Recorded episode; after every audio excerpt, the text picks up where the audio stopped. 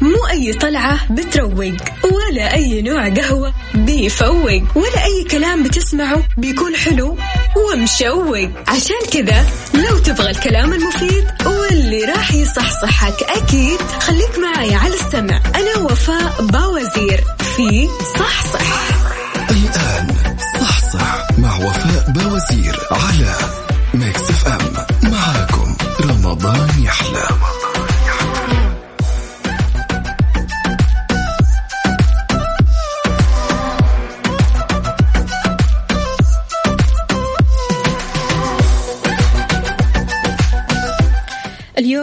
الاثنين 18 رمضان.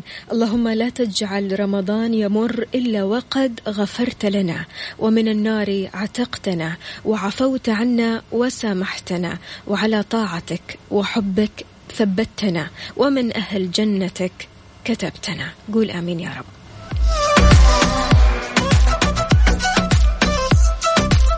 صباح الخير والبركة والصحة. أعانكم الله على الصيام والقيام وتقبل منكم صالح الأعمال.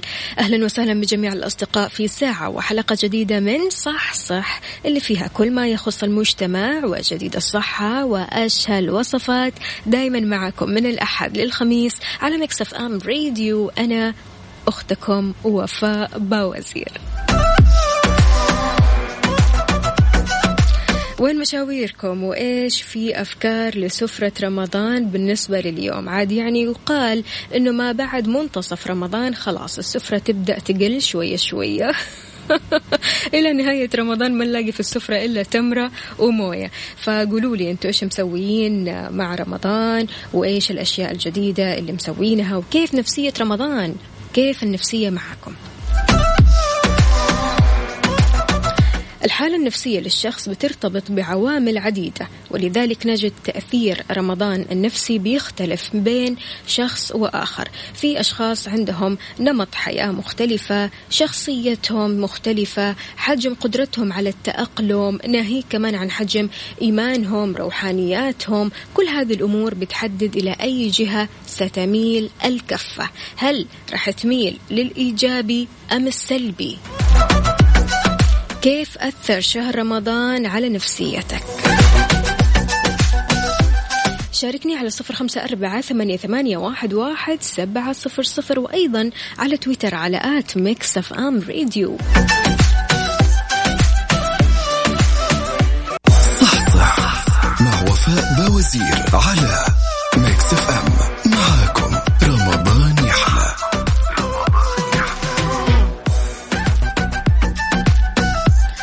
ويسعد لي صباحكم من جديد. أهلا وسهلا بجميع الأصدقاء. دكتور محمد عبد العزيز أين أنت يا دكتور؟ صباحك خير وبركة إن شاء الله. كيف الحال؟ وإيش الأخبار؟ طمنا عليك.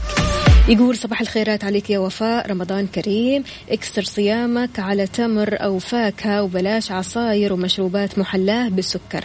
السكريات فيها سعرات عالية جدا. كمان بترفع مستوى السكر بسرعة في الدم وبكذا بيزيد إفراز الأنسولين والجسم يبدأ في تخزين الأكل. الإفطار على تمر أو لبن أو فاكهة أفضل شيء دمتم بصحة. الله يعطيك ألف عافية. شكرا على هذه النصيحة دكتور محمد.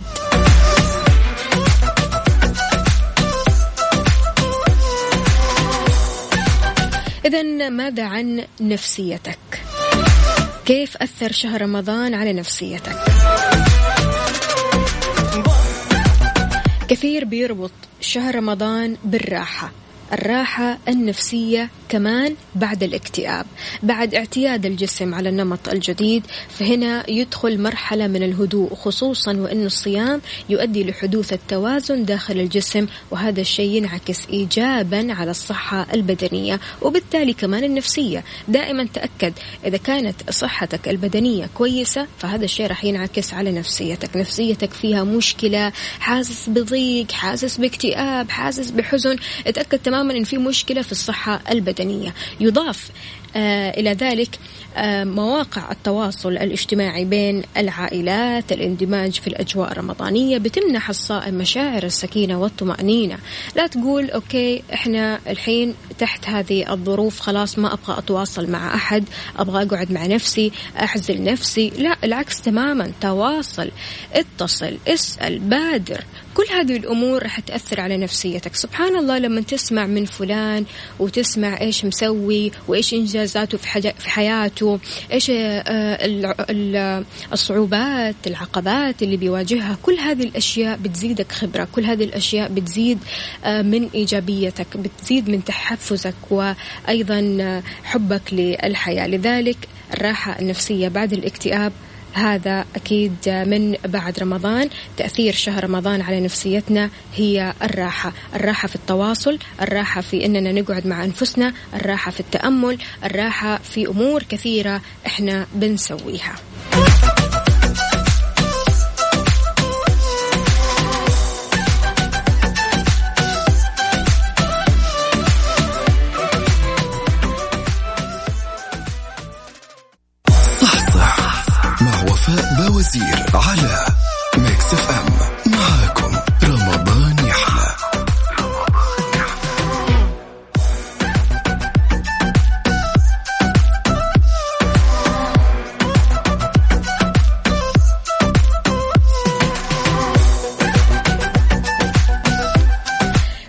صباحكم من جديد. أهلا وسهلا بأبو إبراهيم يقول السلام عليكم ورحمة الله. صباح الخير يا وجوه الخير. بالنسبة للنفسية في منتصف رمضان حاسس بحزن لا آه، أو لأن بدأ يقل أيام الخير. الله آه، يعد علينا وعليكم على خير يا رب. أهلا وسهلا فيك. شكلك مو كاتب كويس يا أبو إبراهيم. دوبك صاحي. صح صح معانا. والله نفس كلام أمي. يعني بتقول لي أنا حاسة بحزن وكلنا والله العظيم حاسين بحزن. لكن خلونا آه، نتكلم شوية بشكل إيجابي أو آه، من الجوانب الإيجابية في رمضان. كيف أثر شهر رمضان على نفسيتك؟ خلونا نتكلم شوية عن الصلاة والعبادة. اللي هم علاج نفسي في رمضان. لما يقف الصائم بين يدي الله فهو يشعر بالتواضع وهذا الشيء بيساعده على التخلص من كل هذه المشاعر السلبية اللي بيختزنها. الصلاة والعبادة بتعلم الإنسان الهدوء الصبر الطاعة وبالتالي تمكنه من التحكم بتوتره وغضبه وقلقه وكما هو معروف طقوس العبادة بتمنح الإنسان طاقة روحانية تدخل آه لقلبه ويعني بتخليه مطمئن بتزيل عنه همومه. وحتى عدد من الدراسات الغربية أكدت بأن الصلاة وممارسة طقوس العبادة من أنجح أساليب علاج الاكتئاب. حافظ على فروضك. ولا تنسى النوافل.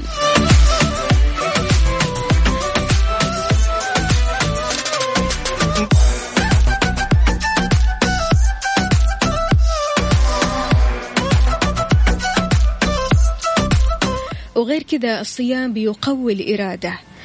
وبالتالي بيمنح الشخص التصميم والعزيمة لمواجهة كل الضغوطات. كل صائم وبعد أن يتجاوز يومه يشعر بالرضا. ليش؟ لأنه تمكن من كبح كل رغباته ولم يستسلم للإغراءات وتمكن من ضبط نفسه. وهذا الشيء بيزيد شعوره بالثقة بنفسه.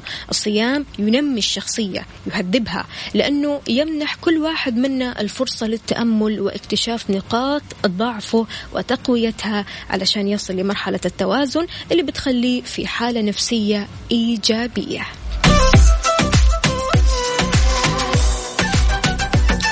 كيف الإيجابية عندك يا الإيجابي؟ طمنا عليك سمعنا صوتك. شاركنا على صفر خمسة أربعة ثمانية, واحد, واحد سبعة صفر صفر.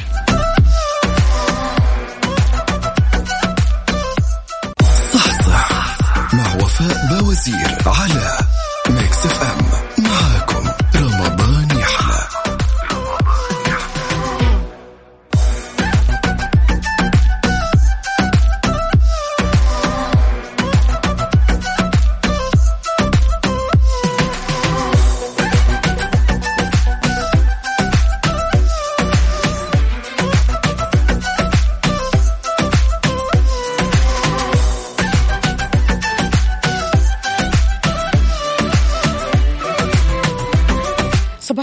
عليكم من جديد. إذا رمضان وقاية من الاضطرابات النفسية.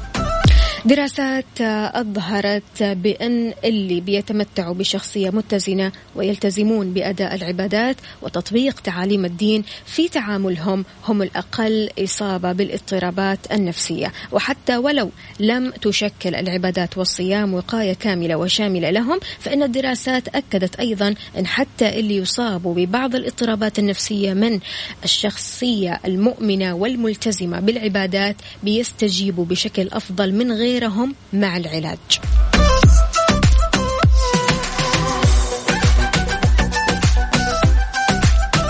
فما أجمل رمضان وما أجمل أثره النفسي علينا؟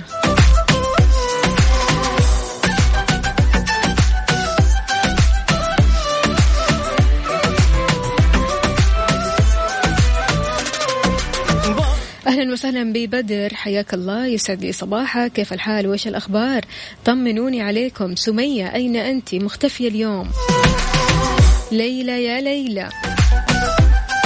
افتخار من مكة. أهلا وسهلا فيكي كيف الحال؟ وش الأخبار؟ آه بتقول يسعد صباحك يا غالية أهلا وسهلا فيكي شوفوا بصراحة أجواء رمضان لها مذاق مختلف برغم هذه المحنة والظروف الصعبة ولكن لا يعني أن أجواء الروحانية أو روحانية رمضان ما هي موجودة. أنا أختلق لنفسي البديل عشان تكون طاقتي فل أوبشن يعني روحانية رمضان أعيشها بكل تفاصيلها. رمضان شهر آه شهر آه بالسنة مو زي باقي الشهور طول السنة. العزلة في شهر الخير المفروض نغتنمها فرصة للعبادة. صديقة البرنامج الحبوبة افتخار حبيبة القلب يا افتخار أهلا وسهلا فيكي ويسعد لي صباحك.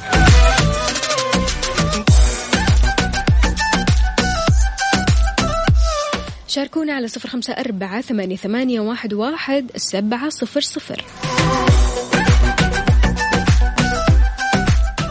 مو أي طلعة بتروق ولا أي نوع قهوة بيفوق ولا أي كلام بتسمعه بيكون حلو ومشوق. عشان كذا لو تبغى الكلام المفيد واللي راح يصحصحك أكيد خليك معي على السمع. أنا وفاء باوزير في صحصح. وفاء بوزير على Mix FM معاكم رمضان يحلى. وسهلا فيكم من جديد. يسعد لي مساكم جميعا. مساء الخير مساء البركة لجميع الأصدقاء اللي بيشاركوني من خلال Mix FM واتساب صفر أربعة ثمانية, ثمانية واحد, واحد سبعة صفر صفر. في ساعتنا الثانية أكيد من صحصح refresh صحتك. راح نتكلم اليوم عن السيطرة على انخفاض ضغط الدم في شهر رمضان. وراح تكون عندي مداخلة مع الدكتور خالد محمد العمري طبيب أمراض السمنة. راح نتكلم عن تأثير فيروس كورونا على السمنة. لا تقول لي ما لهم علاقة في بعض. راح نعرف تفاصيل أكيد.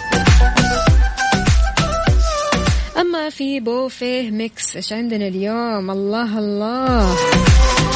كنافة بالمانجا. شغل جامد بصراحة.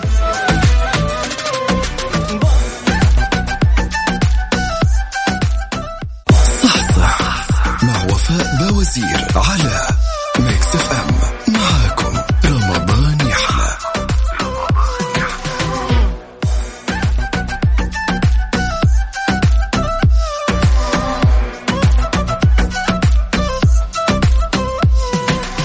طيب الكلام هذا يبغى له تركيز. حساب Mix FM في تويتر على at Mix FM Radio عمل مسابقة ثانية والجائزة برضو. آيفون 11 المسابقة جدا بسيطة. في صورة بتغريدة المسابقة المثبتة بحسابنا بالتويتر فيها صور أربعة مذيعين من مذيعي Mix FM. صورهم مخفية ها؟ الصور مخفية لكن يبانوا كذا يعني تعرف مين هذول. كل اللي عليك تعرف مين هم. تمام؟ ادخلوا على حساب مكسف أم في تويتر وشوف التغريدة المثبتة وجاوب على السؤال وبعدها راح تدخل السحب وفالك الفوز. آيفون 11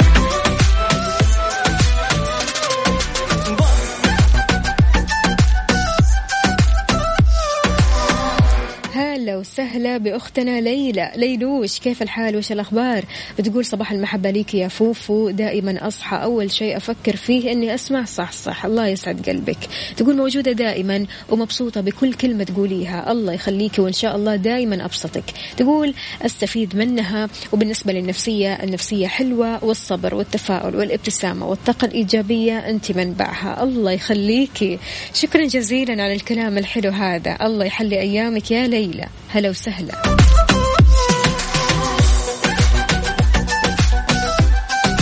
إذا مستمعينا لا تروحوا لبعيد لسه معنا المزيد والمزيد أكيد القادم مع الدكتور خالد محمد العمري طبيب أمراض السمنة. رح نتكلم عن تأثير فيروس كورونا على السمنة.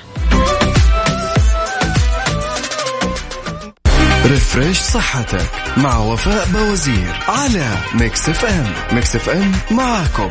رمضان يحلى.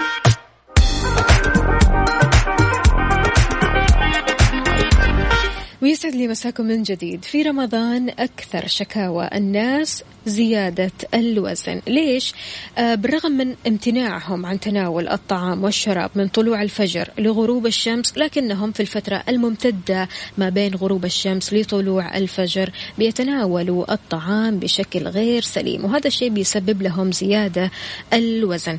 آه معي ينضم إلي عبر الهاتف الدكتور خالد محمد العمري طبيب أمراض السمنة لنتحدث عن هذا الموضوع بشكل تفصيلي أكثر. أهلا وسهلا فيك دكتور يسعد لي مساك. يا أهلا وسهلا فيكم وشاكر حقيقة لإذاعة Mix FM ولك استاذه وفاء الاستضافه شكرا. الله يسعدك. دكتور من المعروف أن السمنة بتزيد من خطر الإصابة بعدد من الأمراض بما في ذلك أمراض صحيح. القلب السرطان السكري من النوع الثاني بعيد عنا وعنكم. بتشير أبحاث أولية إلى أن السمنة قد تجعل الناس أيضا أكثر عرضة للإصابة بكوفيد 19 كورونا. ليش؟ صحيح. ليش يصير هذا الكلام؟ نعم. آه السمنة حقيقة من الدراسات اللي عملت مؤخرا والملاحظات يعني للحالات اللي اللي آه تعرضوا فيها لمضاعفات يعني خطيرة أو حتى الوفيات. كان كان في نسبة كبيرة من آه الوفيات آه، كانوا يعانون من زيادة في الوزن أو السمنة. طبعا انتقال الفيروس يعني للأشخاص سواء كان طبعا يعاني من السمنة أو غير أو غير السمنة أو يعاني من أمراض أو صحيح هو تقريبا الانتقال آه، طريقة الانتقال واحدة وفرصة آه، تلقي العدوى هي متساوية ولكن تعامل الجهاز المناعي ومقاومة هذا الفيروس أو الدخول في مضاعفات أو لا قدر الله الوفاة هي تختلف من شخص لاخر. طبعا الناس اللي يعانون من أمراض مزمنة زي السكري وضغط الدم وزيادة الوزن والسمنة هذا هم اللي يكونوا أكثر عرضة للمضاعفات الصحية من الفيروس نفسه. أو يحتاجون إلى دخول المستشفى أو لا قدر الله يعني ينتهي المطاف إلى الوفاة بسبب فشل الجهاز التنفسي، إحنا نعرف إنه الاشخاص اللي يعانون من زيادة في الوزن غالبا ما يكون يعاني من مشاكل تنفسية أو صعوبة في التنفس أو يعاني أحيانا من صعوبة إنه أخذ النفس أو الفحمه أحيانا. فبالتالي آه هذا مما آه يضعف من أداء الجهاز التنفسي عنده فإذا تعرض لانتقال آه فيروس خطير مثل كوفيد نعم. آه وهو فيروس جهاز تنفسي وتسبب آه في التهاب في الجهاز التنفسي فلا فلا شك أن هذا سوف يزيد آه الوضع سواء عند الشخص اللي يعاني من السمنة. نقدر نقول يعني انتقال العدوى آه كانتقال كطريقة بين كل الناس متساوي لكن نتكلم عن المضاعفات نعم. ولا قدر الله الوفاة كانت يعني عند الأشخاص اللي يعانون من أمراض مزمنة أو زيادة في الوزن مثل ما تفضلتي حضرتك كان كان بشكل ملحوظ. نعم. دكتور خالد أكدت منظمة الصحة العالمية وجود بعض الحالات سهلة الإصابة ومعرضة أيضا للوفاة من كوفيد 19 تتمثل هذه الحالات في كبار السن ومن اللي بيعانوا نعم. كمان من بعض الأمراض المزمنة ومرضى السمنة المفرطة. إيش هي الأسباب اللي بتجعل من يعاني من أمراض مثل السمنة في مرحلة متقدمة من الخطر للوفاة من فيروس كورونا؟ هي نفس الأسباب اللي ذكرتها حضرتك صحيح؟ إي نعم. يعني آه خلينا نقول آه إنه قد تتعدد العوامل يعني والعوامل آه مثل زيادة مثل تقدم السن وإذا ما كان الشخص آه مع تقدم السن يعاني من أمراض أخرى كسكري أو ضغط أو أمراض القلب بالإضافة إلى زيادة الوزن لا شك أن كل هذه العوامل تزيد الوضع سوءا فيما إذا أصيب بكوفيد. لذلك الدراسات التحليلية لأغلب الحالات اللي تعرضت لمضاعفات شديدة احتاجت عناية مركزة أو عناية حرجة أو حالات الوفيات كانت بين كبار السن نعلم أن كبار السن عندهم المناعة بشكل عام تكون أقل من الأصغر سنا. الأمر الثاني وجود الأمراض المزمنة زي السكري والضغط وأمراض القلب هذه أيضا مما يضعف الجهاز المناعي. وجود السمنة أيضا مما يضعف الجهاز المناعي. وكذلك مثل ما قلنا ان مريض السمنة يعاني غالبا من مشاكل تنفسية فإذا يصيب بفيروس شديد الضراوه أو فيروس يعني خطير مثل كوفيد قد يكون الوضع سيء. ناهيك عن طبعا في بعض الأحيان يعني مساعدة المرضى اللي يعانون من أوزان عالية جدا عن طريق أجهزة التنفس الصناعي وغيرها. قد يكون قد الطواقم الطبية قد تجد صعوبة في توفير خلينا نقول الأجهزة المناسبة نتيجة لزيادة الوزن. وهذه كلها يعني عوامل اجتمعت يعني خلت الوضع أكثر سوءا عند من يعانون من سمنة مفرطة. نعم، دكتور يعني بداية إحنا بدأناها بالحجر المنزلي الصحي، قعدنا في البيت وأكلنا. كثير. دخل نعم. علينا رمضان أكلنا أكثر بسبب طقوس رمضان وعاد يعني جمعة العيلة في البيت. فكيف إحنا ممكن نحاول آه نحافظ على صحتنا في رمضان؟ صحيح. آه هو آه أكيد إنه آه قلة الحركة أو آه عدم ممارسة الرياضة آه نتيجة للبقاء في المنزل. وإذا صاحب هذا طبعا عادات غذائية غير صحيحة أو نمط حياة غير صحيح فهنا نتوقع زيادة الوزن. يعني آه للأسف آه في رمضان كثير من الناس آه نمط الحياة عنده يتغير تقريبا 180 درجة ليصبح نمط حياة غير صحي فيكون في السهر. السهر إحنا نعرف إنه من عوامل زيادة الوزن ويكون في أيضا تناول كثير من السكريات والحلويات والأكل الغير صحي. وقد يصاحب هذا طبعا الجلوس لفترات طويلة أمام التلفاز أو أمام وسائل التواصل الاجتماعي. كل هذه آه نتج عنها طبعا بلا شك زيادة الوزن. الرسالة اللي نبغى أن نوصلها إلى أنه آه لابد ان ان الشخص آه في الفترة القادمة يكون آه أكثر وعي وينتبه أنه التغيير السلبي لنمط الحياة هذا وإن كان لفترة بسيطة نعم. قد يتسبب في زيادة وزن. لذلك ننصح بالنوم الصحيح اخذ أخذ الكفاية من النوم وأهم ساعات النوم اللي دائما ننصح فيها أن تكون من الساعة تقريبا 8 مساء إلى 2 الفجر آه في الفترة هذه آه على الأقل أن يحصل على ساعة إلى ساعتين من أجل استقرار أعضاء الجسم وأجهزة الجسم ومنع إفراز كثير من هرمون الكورتيزون الناتج عن السهر والذي يتسبب بزيادة الوزن. نعم. هذا واحد. مم. الأمر الثاني طبعا نحرص على الوجبات أن تكون وجبات صحية. بمعنى إنه التقليل من نسب السكريات والتقليل من نسب الحلويات والمشروبات المحلاة ونتجه أكثر إلى الأكل الصحي الغني بالبروتين والغني بالخضار والفواكه على موائدنا تنظيم الوجبات أن يكون هناك في وجبة فطور ووجبة سحور طبعا. يكون بين الوجبتين يكون في وجبة لا مانع من تكون وجبة خفيفة. وذلك لأنه فترة طويلة طبعا من عدم تناول الأكل ممكن أن يتسبب للشخص بتناول كميات كبيرة في الوجبة الرئيسية. نعم. أيضا الحرص على ممارسة الرياضة. على أقل تقدير نصف ساعة إلى 45 دقيقة. إذا ما كان شكل يومي يكون يوم يمارس الرياضة ويوم لا. أيضا يعني تجنب البقاء أمام التلفاز أو الجوال أو وسائل التواصل الاجتماعي هذا اللي بيصير للأسف يا دكتور. إي نعم يعني لاحظنا حتى من كثير حتى في العيادات الآن إنه بيجي ناس بيشتكي والله من من آلام في الظهر، آلام في الرقبة، في المفاصل طبعا. فبتساله فيكون إما يكون على وسائل التواصل الاجتماعي لفترات طويلة يعني أو على الجوال لفترات طويلة مما يسبب له كثير من التعب. وآلام في العضلات وآلام في المفاصل والصداع.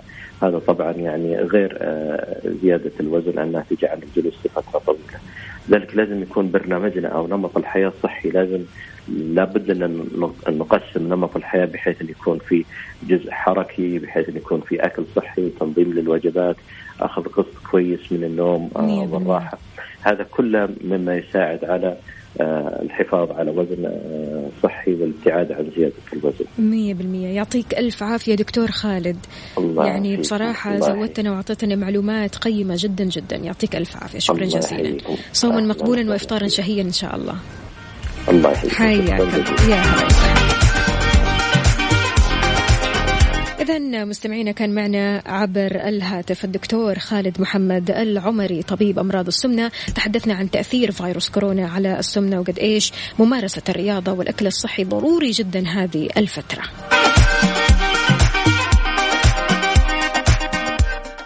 بوفيه Mix مع وفاء بوزير على Mix FM. Mix FM معاكم. رمضان يحلى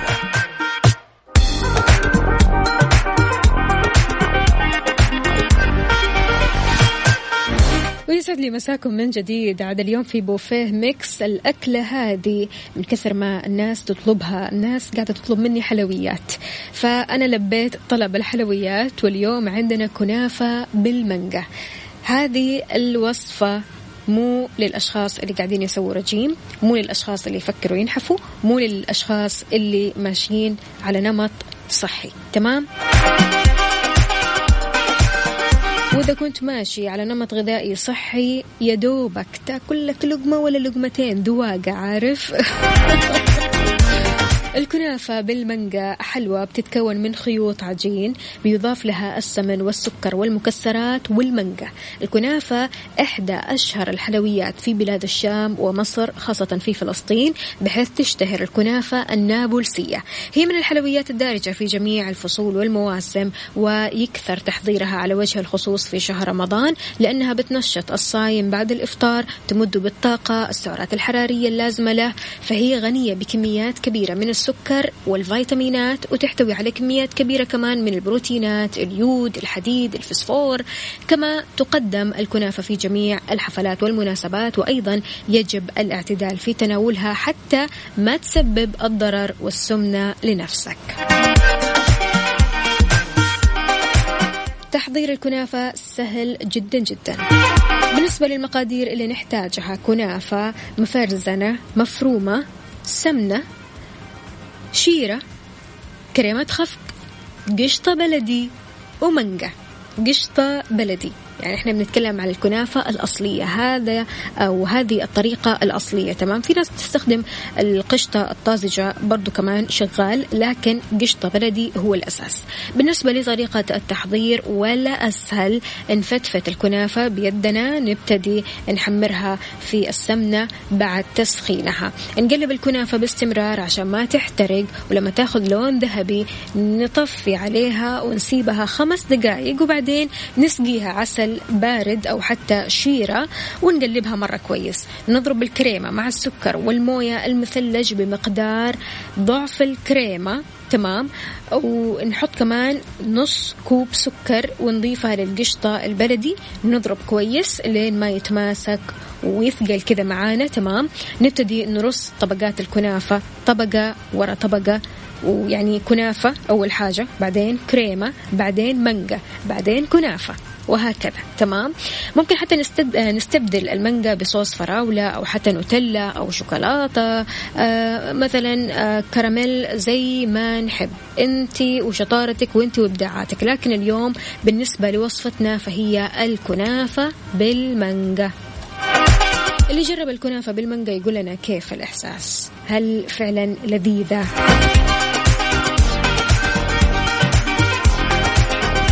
لأن الوصفة هذه مو مشهورة عندنا كثير فلذلك أنا قلت إيش نجيب لكم كذا وصفة كنافة لكن مختلفة وهذه الوصفة مشهورة في البلدان العربية. أكيد شاركوني وصفاتكم وإبداعاتكم على صفر خمسة أربعة ثمانية, واحد, واحد سبعة صفر صفر. آه. مستمعينا بكذا وصلنا لنهاية حلقتنا وساعتنا من صح صح غدا. نجدد اللقاء بكم أكيد من الساعة 11 لوحدة الظهر. كنت أنا معكم أختكم وفاء باوزير صوما مقبولا وإفطارا شهيا. لا تنسوني من الدعاء. في أمان الله.